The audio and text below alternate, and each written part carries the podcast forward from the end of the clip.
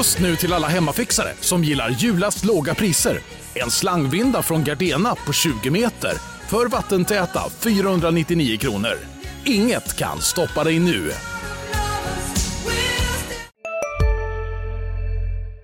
Välkomna till det 34 avsnittet av Sportklubben, Länstidningens podcast om SSK och Hockeyallsvenskan. Jag heter Jakob Sjölin och eh, idag har jag med mig två välbekanta gäster. Vi ska prata om de senaste nyheterna. Det har hänt stora grejer i Södertälje den här veckan och eh, vi ska summera januari som har passerat. Eh, för att göra det så hälsar jag välkommen Viktor Jansson. Hur är läget med dig? Tack, jo det är bra. Vi har lite att snacka om som sagt var. Ja, det har ju hänt, hänt en hel del eh, och vi har också med oss då Johan Myrberg såklart. Allt bra? Det tycker jag. Eh, frisk och, och kry och pigg och eh, jävligt taggad på den här podden. Mm. Ja, det finns att ta tag i. Så vi eh, rullar ingen och sen hoppar vi in i det.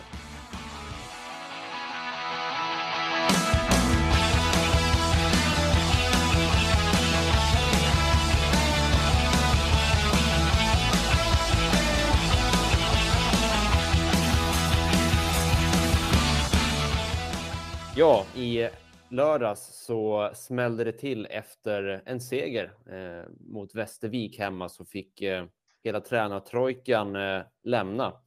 SSK ersatte Dennis Bosic, Stefan Gråns och Jörgen Bemström med Pelle Hånberg och eh, ny assisterande i Björn Lidström. Hur reagerar ni på det här beskedet? Det var ganska väntat samtidigt som det var lite överraskande också på något sätt. alltså, det kändes som att de inte kunde undvika det nästan längre, att det var tvungen att ske någonting. Och det hade ju surrats lite dagarna innan på Twitter lite sånt där, att det var någonting på gång så att det är klart att tajmingen var lite överraskande direkt efter en seger, men samtidigt så hade de ju såklart redan bestämt sig, så det hade ju inte med matchen i sig att göra. Så på det sättet var det ju inte överraskande. Det, det enda som var oväntat för mig var ju att det tog så lång tid egentligen. Eh, eh, och, men, men, det handlade nog mer om att man, man letade efter eh, rätt kandidat och, eh, och, och, så. Jag tror egentligen man har bestämt sig eh, sedan en tid bakåt att det inte fungerar. Men samtidigt så kan man ju det, det, det, finns liksom också en klokhet i att inte bara göra någonting för att man måste göra någonting, utan man måste se till att det är rätt, rätt person som är beredd att ta över också. Vi kunde ju rapportera om det veckan innan att eh, SSK hade ställt frågan till eh, ett antal potentiella tränare som hade tackat nej till att ta jobbet. Så som jag har förstått det så började man undersöka alternativen innan nyår redan eh, och sen eh, när man inte fick till någon typ av lösning så valde man att eh, lyfta upp eh, Stefan Gråns för att ändå försöka få in lite energi i här laget. Eh, och sen när då det fanns möjlighet att rekrytera Hånberg, eh, då gjorde man den förändringen. Den stora frågan är hur mycket just att Hånberg kom ut på marknaden egentligen, för det har han ju varit egentligen. Eh, han har ju varit kontraktslös ett tag. Men hur mycket det var kopplat till att Djurgården valde en annan lösning och att det därför liksom vart snabbare aktuellt. Precis vad jag tänkte säga också det här är ju bara min egen hypotes, men det känns ju som att Hornberg själv var ganska sugen på det jobbet. när man har följt honom på Twitter och så där. Han har inte sagt det rakt ut, men lite mellan raderna att han var ganska öppen för ett tränarjobb och gärna i Sverige. Så att eh, när Djurgården tog någon annan så tror jag att det varit en öppning för SSK. Och man kan förstå att det är en sån domino som kanske måste falla först för att eh, SSK står ju kanske inte högst i, i, i rang eh, om man tittar på de två jobben eh, två lag med problem, ett i SHL och ett i Hockeyallsvenskan, så var det kanske ganska naturligt att Djurgården behövde välja sin tränare först och, och sen kunde andra lag eh, komma därefter. Mm. Men det här beslutet att bryta, hur ser ni på det? Var, som, när vi pratade för en månad sedan, då, då pratade vi om att okay, nu har SSK förstärkt truppen, plockat in eh, nya spelare. Nu måste tränarna få fart på det här och det tog ju aldrig fart i januari. Eh, de plockade två, två vinster här eh, sedan jul på nio matcher och eh, såg inga större tendenser till annorlunda spel eller förbättrade liksom, prestationer. Utan det var mycket samma samma och liksom, ett långsamt energiläckage. Ett lag som började vika ner sig ganska rejält vid motgångar. Även om man hade gjort bra matcher så kunde det räcka med en eller två smällar och så gick liksom luften ur. Så de fick ju liksom inte ihop det under januari heller. Hur ser ni på att man kommer till det här eh, beslutet att man behöver sparka tränarna? det fanns väl till slut ingen annan utväg. De har plockat in nyförvärv sen vi pratade senast eh, med Squires och Dragan och vilka är fler som har kommit in, Berger och så vidare. Eh, men SSK har ju varit sämsta laget i serien i januari, både poängmässigt och om man kollar på de underliggande siffrorna, kanske inte sämst, men i alla fall näst sämst. Alltså ett kvallag i alla fall, helt klart. Så det har ju inte lyft. Vissa saker, om man kollar siffrorna till exempel, kan man ju se att vissa saker har SSK gjort bättre spelmässigt. De är lite bättre på, eller ganska mycket bättre på i omställningsspelet till exempel att ta sig inkontrollerat i zon. Och det har väl, som jag ser det, är det kopplat till att man, de nyförvärv man tog in, Pasic, Squires som är duktiga på att transportera pucken. Men det har inte genererat i fler målchanser. De har inte fått till det ändå. Det är väl någon sorts, den offen, taktiken i offensiv zon på något sätt skapar inte målchanser för SSK. Samtidigt som det också det mentala som du påpekar att man har ju sett så minsta motgången så har ju, då har ju laget gått ner sig helt i matcherna. Mm. Mm. Ja, det, det, är intressant nu här. Jag pratade med Erik Ullman efter matchen och det var också lite roligt. Han, de hade fått veta i omklädningsrummet precis att eh, tränarna skulle få gå och så hade de fått stränga förhållningsorder att ingen skulle läcka det till media innan det gick ut på hemsidan. Men när Ullman var, kom upp till mixade zonen så var det redan ute och så ställde jag frågan till honom om det och så var han så här, försöker du, försöker du lura mig nu? Eh, vi får inte prata om det här. Nej, nej, det är ute. Så jag fick visa honom hemsidan innan han vågade svara på frågor. Ja, roligt. Ehm, men eh, en sak han sa som var intressant var att de, han tyckte att offensiven har varit för, för strikt. Att de har haft för liksom, begränsade eh, instruktioner att eh, kreativa spelare har vi kanske inte riktigt fått utrymme att, att göra en dragning, eh, att slå sin spelare. Och eh, det där eh, kanske är, pekar lite på ett problem för att vi har ju alla sett hur, hur det har sett ut i anfallszonen under hela säsongen egentligen där Södertälje har eh, jobbat efter modellen, få ner pucken djupt i hörnen, försöka vinna sargduellerna och spela därifrån.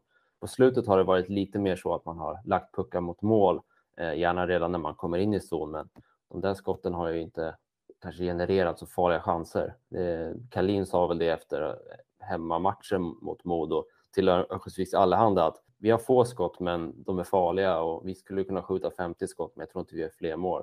Och det, det är också en sån grej som det känns som man försökt med i desperation för att få till resultat. Att, att börja lasta mycket puckar mot mål men egentligen inte så här inifrån slottet utan från utsidan, från backposition och hoppas på styrningar, returer, lite studsar.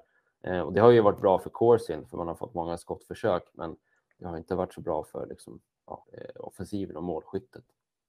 Nej, sen har var, varit det också allt mer uppenbart att, att man hade, eh, hade tappat gruppen. Eh, det kändes inte längre där ute som att liksom spelarna verkligen liksom kämpade och jobbade för varandra och jobbade för laget, utan att eh, det, det, var liksom mer. Det, det, kändes också som att energinivån var väldigt låg och det kändes som att eh, typ coachingen vart allt mer ogenomtänkt och eh, desperat när det gällde liksom att prova nya grejer. Till exempel började man spela med åtta backar som inget liksom elitlag i världshistorien har gjort. Mm. Man, man eh, spelade, hade man extra spelare med så roterades de in överallt. Så att det var ja, väldigt ogenomtänkt, liksom vilka som gick in och spelade tre mot tre och så där. Så det, någonstans förstod man liksom att den typen av saker kommer liksom inte heller landa väl i gruppen och jag tror att eh, det, det som du säger Viktor, med, de skickligare spelarna gjorde att man eh, lättare tog sig in i zon och jag tror också Berger och hans liksom eh, första pass och, och, har varit väldigt, väldigt liksom givande där. Men eh, det ledde ju inte till någonting och det tror jag liksom till viss del också hänger ihop med att laget är lite felbalanserat samtidigt som liksom spelarna inte riktigt var där och lirade för varandra i varje läge liksom för att de var inte, eh, ja, energinivån var för låg. Liksom. Mm. Om, om vi backar ut lite och, och tittar på, på hela säsongen, vad, vad kan vi säga att det var, liksom, vad gick det snett för eh, eh Bosic och Bemström här? För det är ju det är en ganska komplex fråga också. De, fick väl inte den bästa handen från start kan jag tycka. Jag skrev om det i en krönika att det saknades ju en, en toppcenter och en ledande back i mitt tycke redan från säsongstart. Hur, hur, ser, hur ser du på det Johan? Eh, ja, det, det, är ju precis, det, är en, eh, det, det saknades ju ganska mycket. Eh, så där, så det är en väldigt liksom, Samtidigt i kombination med att man, man lyckades ju inte, man, man, man lyckades ju inte sätta ett vinnande spelsystem. Eh, man lyckades ju inte sätta ett spelsystem som faktiskt eh, eh, skapade tillräckligt mycket målchanser. Eh, samtidigt som man hade problem med försvarsspelet. Så att jag, liksom, jag vet inte riktigt ens var man ska börja i en sån fråga. Det är ju eh, allt i princip. Min känsla utifrån är lite att eh, Micke Samuelsson och Jörgen Bemström snackade ihop sig ganska mycket i somras. Dennis kanske inte var med så mycket i början, han kommer säkert in på slutet. Men redan i somras så pratade Jörgen om att vi kanske inte kommer vara laget som gör mest mål, men kommer vara tajta bakåt. Det här lägga puckar på mål, vara jobbiga, möta trafik. Hela den grejen började de prata om redan i somras innan serien startade. Det kändes lite eh, passiv, inställning, eller inte passiv eh, fel, men en destruktiv inställning redan inför säsongen på något sätt. Och eh, det hade väl att göra med, med trupp. Med trupp. de såg, jag vet inte varför, varför de ville spela så, men jag vet inte om Jörgen anpassade sig efter Mickes lagbygge eller om det var Micke som hade en spelidé och sen värvade han spelare där ute efter. Jag vet inte riktigt, men men ja, det, jag uppfattar det som att spelidén ändå var från början och det som Micke har velat införa var ju att man skulle ha mycket puck. Eh, sen, sen, har vi inte, sen har vi inte haft ett lag som har liksom och ett spelsystem som har kunnat leva upp till det. Det där förändrades nog lite under tidens gång. Alltså jag skulle mm. tycka under mitten av förra säsongen så blev fokus mer och mer mot det fysiska spelet, att man skulle ja, vad det nu här innebär, var jobbig att möta. För, för mig är det, är det jobbigare att möta ett skickligt lag som, som aldrig lånar ut pucken till dig än ett lag som åker runt och tacklas. Det kan man kanske ändå hantera. Men fokuset flyttades från kreativ anfallshockey till fysisk eh, kamp på något vänster. Och det var också den profilen man sen började värva. Jag har fått känslan av att Bemström kanske såg framför sig en annan hockey i somras än den han försökte spela under säsongen sen med laget vet inte, han har inte riktigt utvecklat exakt hur han egentligen hade velat spela, men jag har ändå fått känslan av att han fick kompromissa med sin filosofi en hel del. Eh, mycket beroende på, på material och hur det funkar. Men sen vill jag också, alltså någonstans vill jag också ifrågasätta, eh, om, man, om man tänker att vara, vara tränare i, för ett topplag i Hockeyallsvenskan, om man ska vara det, då ska man alltså vara en av eh, Sveriges kanske 17-18 bästa tränare. Jag menar, du har ju SHL, eh, huvudtränare. ASS-tränarna i SHL ska ju rimligen vara sämre än huvudtränarna i Hockeyallsvenskan. Eh, så du ska vara bäst av 17-18 tränare kanske i Sverige. Eh, och eh, eh, sen eh, är det ju så då att om du inte har en tränare som tillhör absoluta toppskiktet i, i Sverige, då behöver du alltså ett material som är mycket bättre än, än övriga för att nå till toppskiktet. Alltså du, då behöver ju liksom spelarna kompensera det. Och jag har ju liksom svårt att se i, i Jörgens CV att vara huvudtränare i ett J20-lag med betydligt mindre, vad ska jag säga, resultatfokus. Och ofta med, om man är i J20 i Djurgården så har man en, en eh, ofta ett väldigt bra spelarmaterial också, eftersom man är väldigt tidig i att få välja de största talangerna. Eh, I kombination då med att vara assisterande tränare i Djurgården naturligt gjorde att han är den här tränaren som skulle vara topp 20, topp 18 i Sverige. Det finns liksom ingenting i hans CV eller i resultatet som liksom säger att det är eh, liksom hundraprocentigt säkert någonstans. Han har inte bevisat det i, i, i något av hans tidigare jobb. Så att jag är inte så säker på att han, han var tränaren som skulle kunna ta SSK till nästa. Så det är inte, det är inte liksom, det behöver inte vara så att det är någonting som har gått fel. Han kanske har liksom levererat lite under vad han egentligen borde kunnat. Men han kanske inte heller är den där topptränaren som man hade förväntat sig. Mm. Men då var det ju valet av en så pass orutinerad tränare som var liksom det strategiska felbeslutet, om man får säga så. Det skulle kunna vara precis det lika mycket som, som andra saker runt omkring. Liksom. Men alltså, det är ju någon slags röd tråd ändå i, i den här säsongen att man har värvat och, och anställt mycket på vad man har upplevt som potential. Att, eh, man har värvat spelare som man har sett haft någon, någon, eller några bra säsonger och som man hoppas skulle kunna ta steget och bli ledande i en större klubb. Man har värvat ungt som man tänker borde kunna utvecklas. Man har eh, värvat unga tränare som man tänker att det här kommer bli bra ledare för oss i framtiden. Och sen har man fått för lite utväxling på alldeles för många händer och fötter. Så det har, var, tycker jag, varit för många risktaganden och, och eh, för få liksom, att hålla i handen när det blåser. Ja, men du har rätt. Och sen krävs det ju också om du, om du går från eh, när man byter så mycket spelare som SSK gjorde inför den här säsongen så krävs det ju ett enormt, enormt bra ledarskap för att få ihop den gruppen och, och göra den gruppen stark. Så det är ju inte liksom, jag, jag tror att det är när man behöver göra så, när man gör så stora förändringar inom en säsong, man inte kommer till ett dukat bord, så kräver det otroligt, otroligt mycket av ledarna och då, och, och det, det har ju inte liksom, det har man inte räckt till med. Modo är ett typexempel på vad rekrytering i kombination med eh, en tränares ledarskap kan betyda.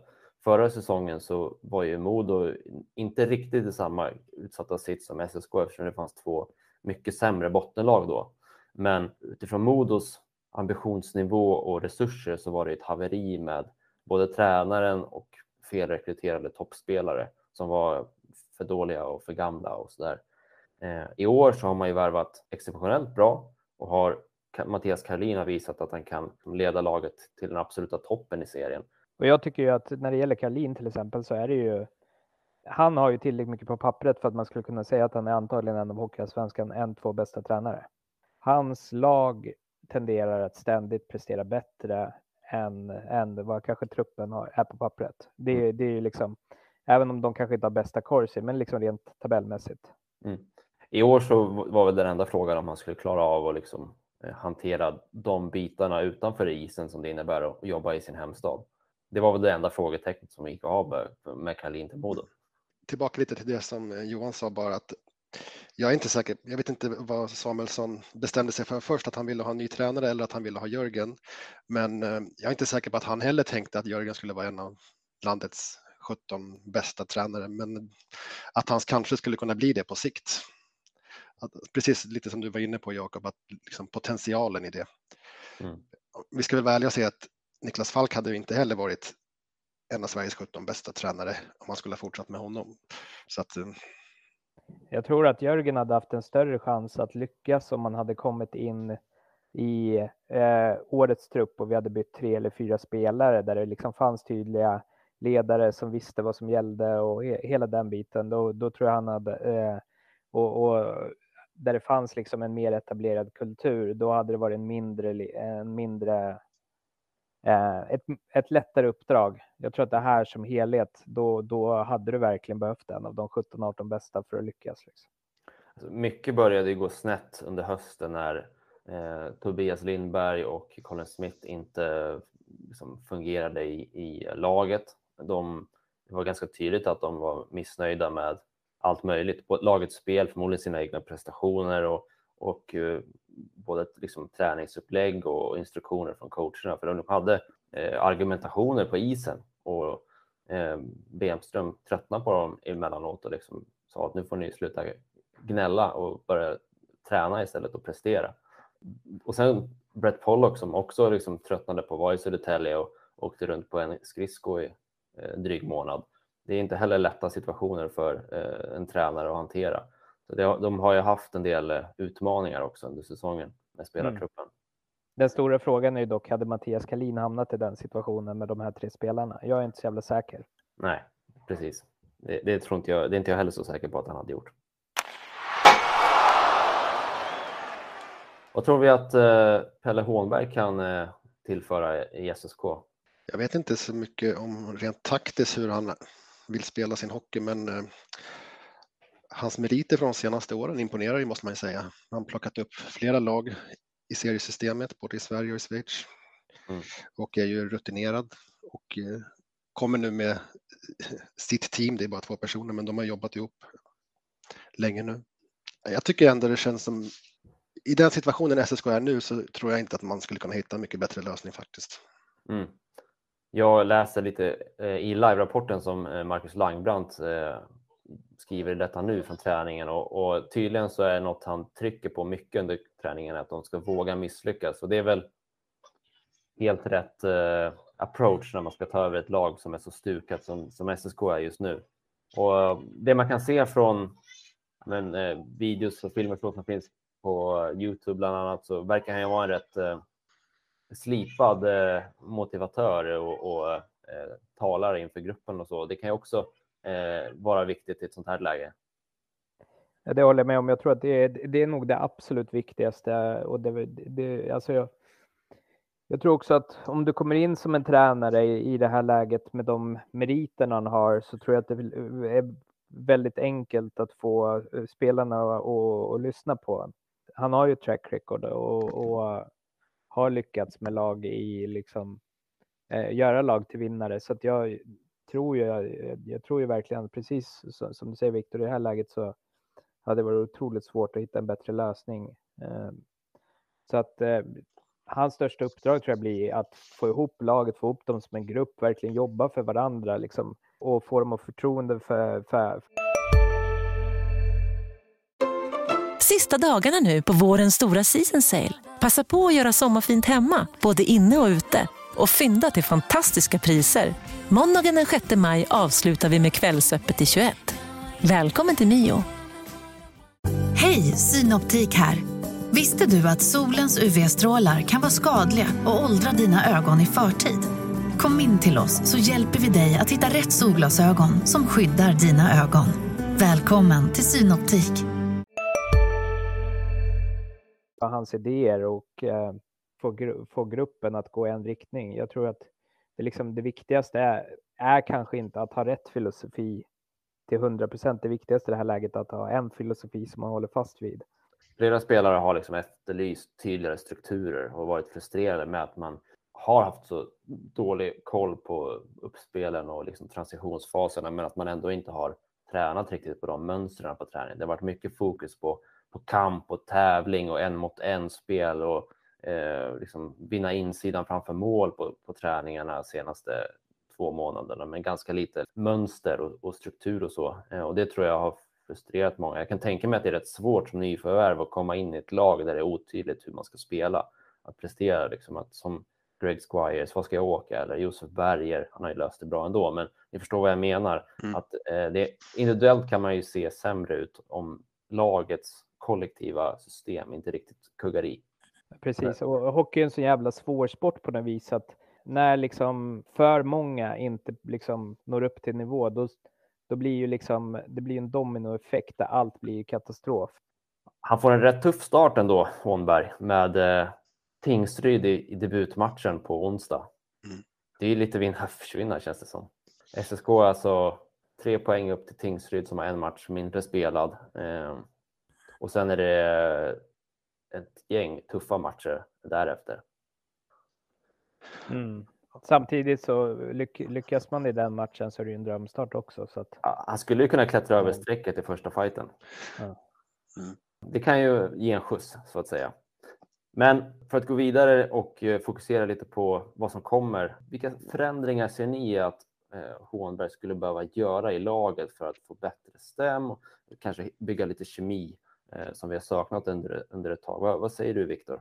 Eh, om man kollar på dem rent formationsmässigt eh, nu, de som vi, kedjorna och backparen som vi har spelat med sista tiden så är det ju en kedja egentligen som har fungerat och den har ju fungerat otroligt bra från kanske lite oväntat men William Hage, Felix Olsson och Albert Sjöberg har ju varit hur bra som helst.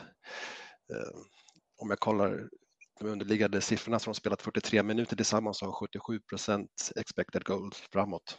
De släpper, de släpper, ja, så bra kommer de såklart inte vara fortsättningsvis, men alltså de har varit extremt bra.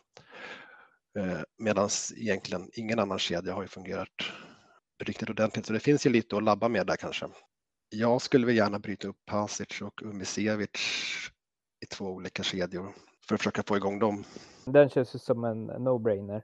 Eh, jag tror den, den, den måste man ju göra och jag tror att du måste hitta en eh, typ skjutförspelare bredvid Passage på något vis för att på riktigt få nytta av hans spelskicklighet. Du har ju inte så många skjutförspelare. Jag vet, det är det som är den stora utmaningen. William Hag och Sjöberg, men de är i den andra, den kedjan vill man ju inte bryta upp nu. Nej, precis. Det är ju egentligen bara Wilman Borvik som är en skjutförspelare. Mm. Squires har inte riktigt fått grepp om vad han är för spelartyp än. Han känns som någon Nej. slags hybrid mellan playmaker och, och skytt. Han har Men väl fått bli... lite, ja, bli mer exakt. playmaker med, med Borvik. Precis vad jag skulle säga. Han spelar med Borvik som inte vill passa utan bara vill skjuta, så då kanske man måste bli en sån spelare. Mm. Men får han spela med Pasic som är helt tvärtom, då kanske det blir lite annat. Mm. Ja, jag håller med. Det, det behöver hända någonting. Eh, samtidigt så ska man väl också säga att alltså, om man tittar på matcherna sedan jul, eh, Umicevic eh, underliggande är inte så dåliga, men laget har skjutit 2 procent eh, när han har varit på isen. Så det drar ju ner. Men samtidigt så ser vi också att frekvensen finns inte där riktigt i, i hans skridskoåkning just nu. Eh, en del beror väl såklart också på att inte nog med att han kom in machotränad och eh, inte hade liksom varit i, i lagträning på över en månad. Han fick ju corona sen också, en av många spelare. Så det, är ju frågan hur mycket eh, det har, har tärt på honom. Det är åtminstone en setback i alla fall det är väl egentligen den anledningen jag kan se att de har fortsatt att hålla ihop Pasic med Ivicevic, att Pasic skulle kompensera med lite fart där då i den kedjan. Men eh, ja. Man, samtidigt måste man ju spela ungefär samma hastighet för att man ska ha nytta av varandra. Mm. Mm. Eh, om Pasic har massa fart och så åker han in med pucken i zon så han själv i fem sekunder. Det blir svårt. nej, nej, det funkar. Men sen är det ju också så här, typ jag tycker att typ första två matcherna eller någonting så verkade typ Umusevic spela i ett mycket högre tempo än vad han gjort efter det och jag vet inte om det var på ren inspiration och det är liksom eller om det bara är så att han har dragits ner med liksom den allmänna depressionen i hela laget när det liksom bara går sämre och sämre och att han har tappat inspiration. Jag liksom, det är alltså, lite oroväckande i sådana fall för att han skulle väl komma in lite som en moralhöjare. Alltså jag drar mig till minnes ett citat som han hade i, och jag, jag tänkte inte på det så mycket då, men så här i efterhand så, så intervjuade honom efter debuten mot, hemma mot Troja Ljungby eh, den 27 december. Och då sa han att ja, i Schweiz, eller i Österrike så var det mer liksom importer och fler skickliga spelare och vi spelade mer ett, ett puck eh, possession-spel. Här är det mer chippa och dumpa. Och, så sa han som en bisats att och det är väl kanske inte riktigt min typ av hockey. Så jag undrar hur eh, mycket han kände att han får ut i det här spelsystemet. För det är ju ärligt talat så att chippar man och dumpar då, då, då är inte han så effektiv och man får inte ut så mycket av en playmaker då. Nej. för man ser ändå att han hittar ganska ofta intressanta positioner i mittzon eller så på väg in, men puckarna måste ju komma också. Och där, eh, det har inte varit mycket så. Nej, tyvärr. Jag tyckte han hade, det var väl mot Modo, det var inte någon, kanske någon rolig match i övrigt, men där tyckte jag han igen liksom var lite, han blixtrade till lite grann där med några riktigt fina passningar genom centrallinjen. Och, men eh, ja, det har inte fått det att stämma. Men även om det skulle vara så att Dump, Dump and Chase inte är hans melodi så det har ju inte riktigt lyst om honom i powerplay heller om vi säger så.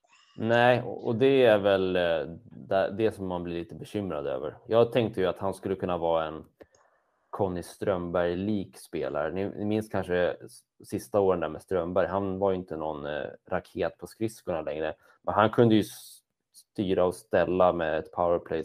Eh, och det var lite det man trodde ändå att, att SSK skulle få med Misevic. Men eh, hittills har ju powerplay-spelet bara liksom blivit stillastående. Allt pucktempo dör och det har egentligen inte spelat någon roll vilken av formationerna som varit inne. Det var ju lite ironiskt att när den här heta kedjan som man haft då till slut får chansen mot Västervik så är det de som gör kvitteringsmålet i, i 6 mot 4 spelet. Men eh, i, i, övrigt så är det blekt rakt igenom. Powerplay Det har varit sen egentligen sen Smith och Lindberg lämnade. Jag tycker dock att den andra powerplay-formationen har varit bättre än eh, eh, Umisevic och i alla fall liksom ögonmått så har jag haft väldigt svårt att se varför man överhuvudtaget startar med Umisevic Pasic i, i powerplay. Jag tycker att det har varit så otroligt lågt passningstempo, väldigt, väldigt få skott och mycket liksom pucktapp på märkliga och orimliga sätt. Den andra jag har ju inte liksom lyst heller, men där har det ändå liksom, det har avlossats några skott på ett mål. Eh, ibland det har liksom varit lite trafik framför, det har blivit lite farliga liksom jag har liksom jättesvårt för den powerplay-formationen eh, överhuvudtaget. Jag tycker den borde man splitta upp och göra om snarast. Ullman kom ju in i den nu senast och det känns väl ändå som en liten uppgradering. Om man jämför med att ha hjälm där så får man åtminstone in en spelare till som gärna söker direktskott. Och det, eh, där, det måste vi prata om också, petningen av Ullman. Den är ju, nu var jag tillbaks här, från, från tionde back till första backpar. Ja, det är en resa. det går fort i hockey. den är, den är bara, hela den grejen tycker jag bara är liksom talande för eh, hur, hur, det, liksom, eh, hur, hur det har lite sett ut med coachningen sista tiden. Mm. Som jag fick det förklarat för mig så hade de prioriterat okej, okay, vi, ska, vi ska ha defensivt starka backar och vi, de tyckte att Ullmans försvarsspel är för dåligt, kort sagt. Och att man då försökte ta in folk som inte gör lika mycket misstag. Men jag vet inte, det har ju känts som att det blivit misstag till höger och vänster i alla fall i, i SSK. Eh, och sen då så går Anderberg sönder, han täcker två skott och så plötsligt så ska Ullman spela första backpar med hjälm. Men också bara den här idén att, att han, han skulle spela ströbyten och powerplay. Eh, vilka förutsättningar ger man en spelare att, att leverera? Att menar, sätta in en kall spelare i ett powerplay som man ska använda för att vinna matchen. Det är, ja, det är förbluffande strategi. Ja, det har vi väl inte sett lyckas för eh, sen eh, Tim Hed hade motsvarande roll i SSK. Nej, det var, det var ju lyckat å andra sidan. Mm. Han var ganska bra. Eh, all respekt mot Ullman. Så, jo, exakt. Jag vet inte, hela den här historien med liksom åtta backar som matchas och sju backar som matchas. Von Sivers har fått göra matcher med fyra olika backpartners i samma match och samma med Brännstam. Det känns som att de har kunnat bestämma sig två backpar max och sen har det varit en himla cirkus bara. Det säger väl lite om att man till slut hade inte riktigt grepp om hur man skulle, vilket som var det bästa laget verkligen. Eh, och det är fortfarande en sån sökande process. 30 plus omgångar in i serien är ju inget bra betyg. Nej. Men alltså, Josef Berger tycker jag ändå man kan lyfta fram. Han har ju varit eh, en eh, positiv injektion senaste månaden. Jag gillar ju hans spel på blå linjen också. Eh, han känns så lugn och trygg på, på offensiv blå. Han, han tar ofta rätt beslut på offensiv blå är min känsla också. Mm. Och verkar, alltså i alla fall, nu har, nu har jag inte gått igenom hur han och Nordsäter ser ut liksom rent statistiskt, men mitt ögon, ögonmått eller vad man ska säga är att de två ihop, kanske visserligen ibland har defensiva brister när man hamnar i egen zon, men att eh, de, eh, de är inne på, på målchanser framåt. Jag vet inte Viktor, vad har du för, hur ser statistiken ut? Eh, exakt så. De skapar mycket framåt och släpper till en, ja, ganska mycket bakåt faktiskt. Mm. Men det väger ändå över till det positivt i, den, mm. i slutändan. Mm. Nordsäter tycker jag väl, om vi kanske inte är klara med Berg, men Nordsäter tycker jag också har kommit in och varit eh, riktigt bra nu efter sin andra comeback den här säsongen. Det är nog viktigt att han kan hålla sig hel resten av säsongen tror jag, för att få lite dynamik på, på blå linjen. Men jag tror, jag tror också att det hänger ihop lite med att de är två backar som, som har som tänker hockey liksom ihop. Alltså det känns som de har en bra kemi liksom i speluppbyggnadsfas och sen också i offensiv zon. Mm. Eh, så att jag, jag tror ju att där är, blir ju liksom ett plus ett blir ju inte två utan det blir liksom 2,3 på något vis i liksom, tack vare att de, de funkar bra ihop så här långt. Hur skulle ni formera, om ni var Hånberg nu, hur skulle ni formera backparen resten av säsongen? Eh, jag förutsätter att ni gillar Berge och Nordsäter och att det är kanske andra backpar. Ja, Ullman Hjelm skulle jag fortsätta med. Mm. Tredje då? Ja. Han, ja, det beror på. Jag vet inte. Jag har inte status där på Anderberg. Hur länge ska han vara borta? Ja, det är lite oklart eh, vad, vad det är för typ av skada. Det har varit eh, överkroppsskada hittills och i, dag till dag typ, så jag vet faktiskt inte.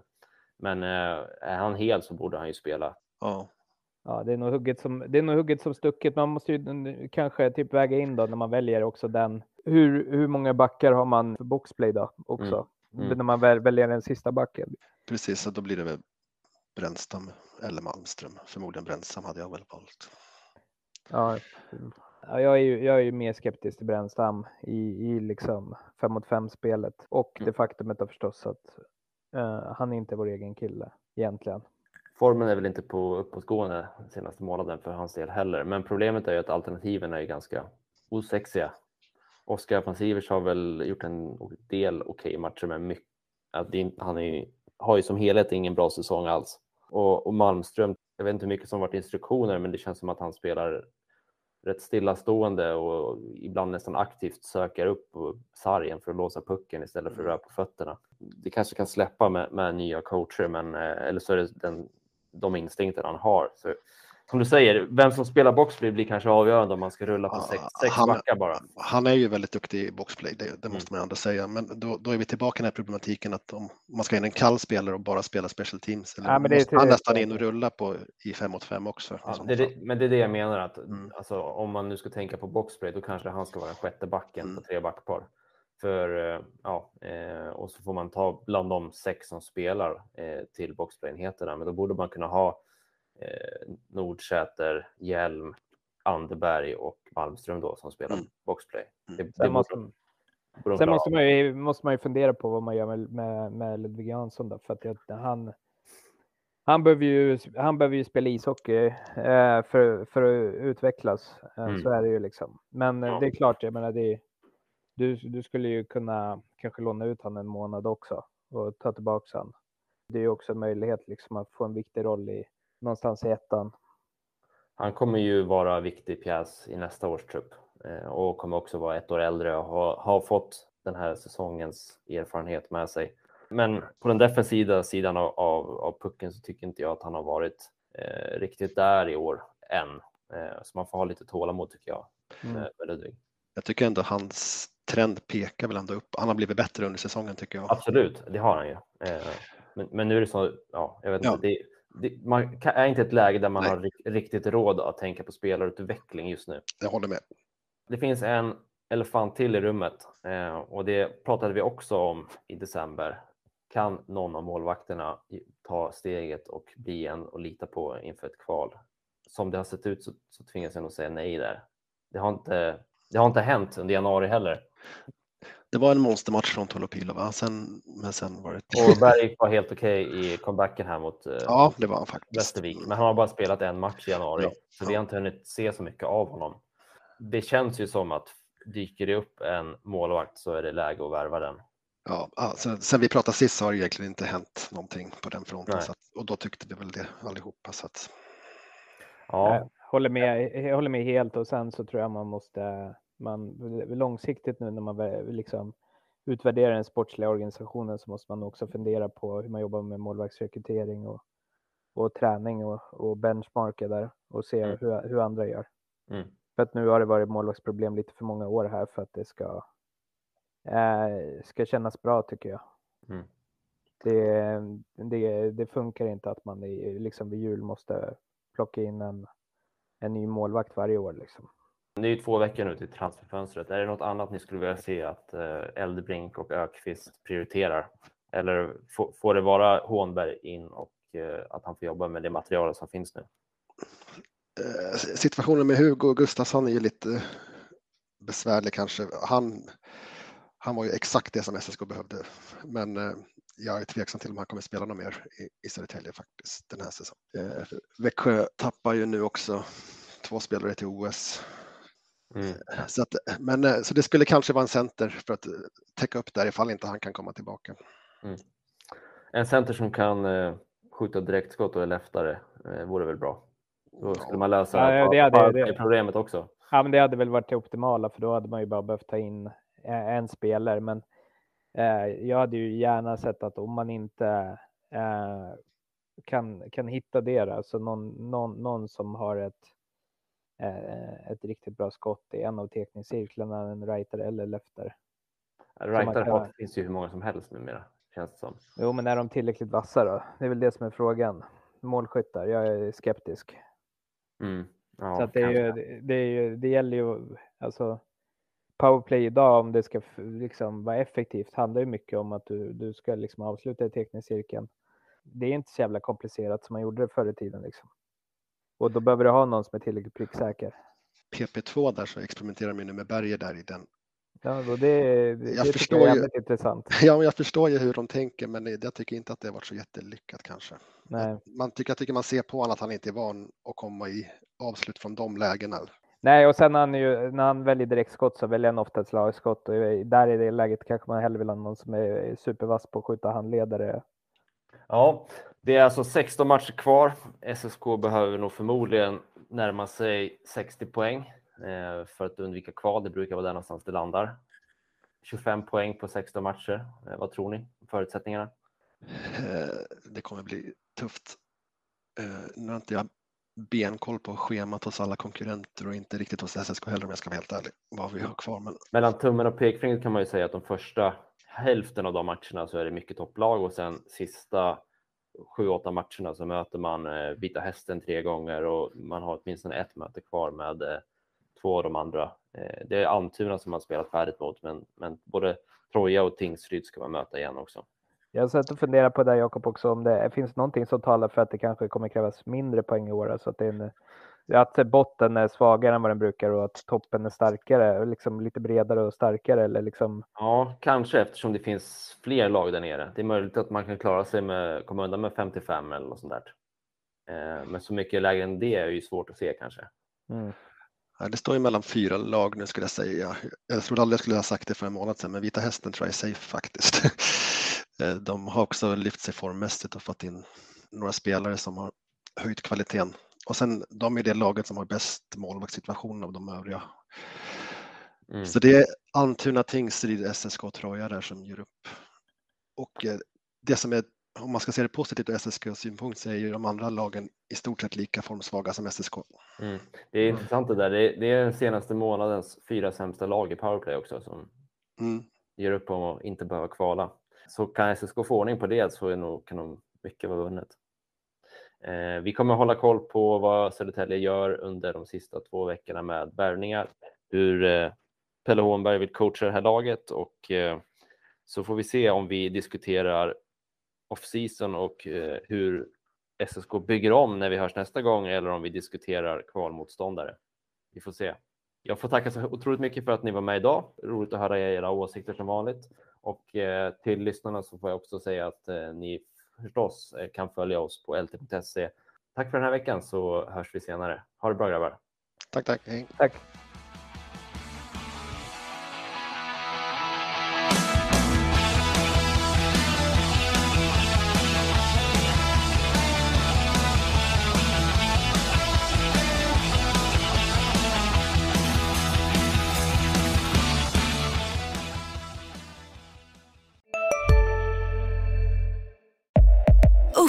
Hyllade XPeng G9 och P7 hos Bilia.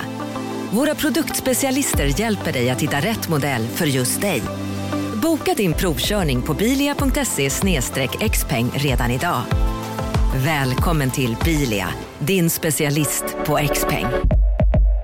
Välkommen till Momang, ett nytt smidigare kasino från Svenska Spel, Sport och Casino där du enkelt kan spela hur lite du vill. Idag har vi Gonzo från spelet Gonzos Quest här som ska berätta hur smidigt det är. Sí, es muy excelente y muy rápido! Tack Gonzo. Momang, för dig över 18 år. Stödlinjen.se.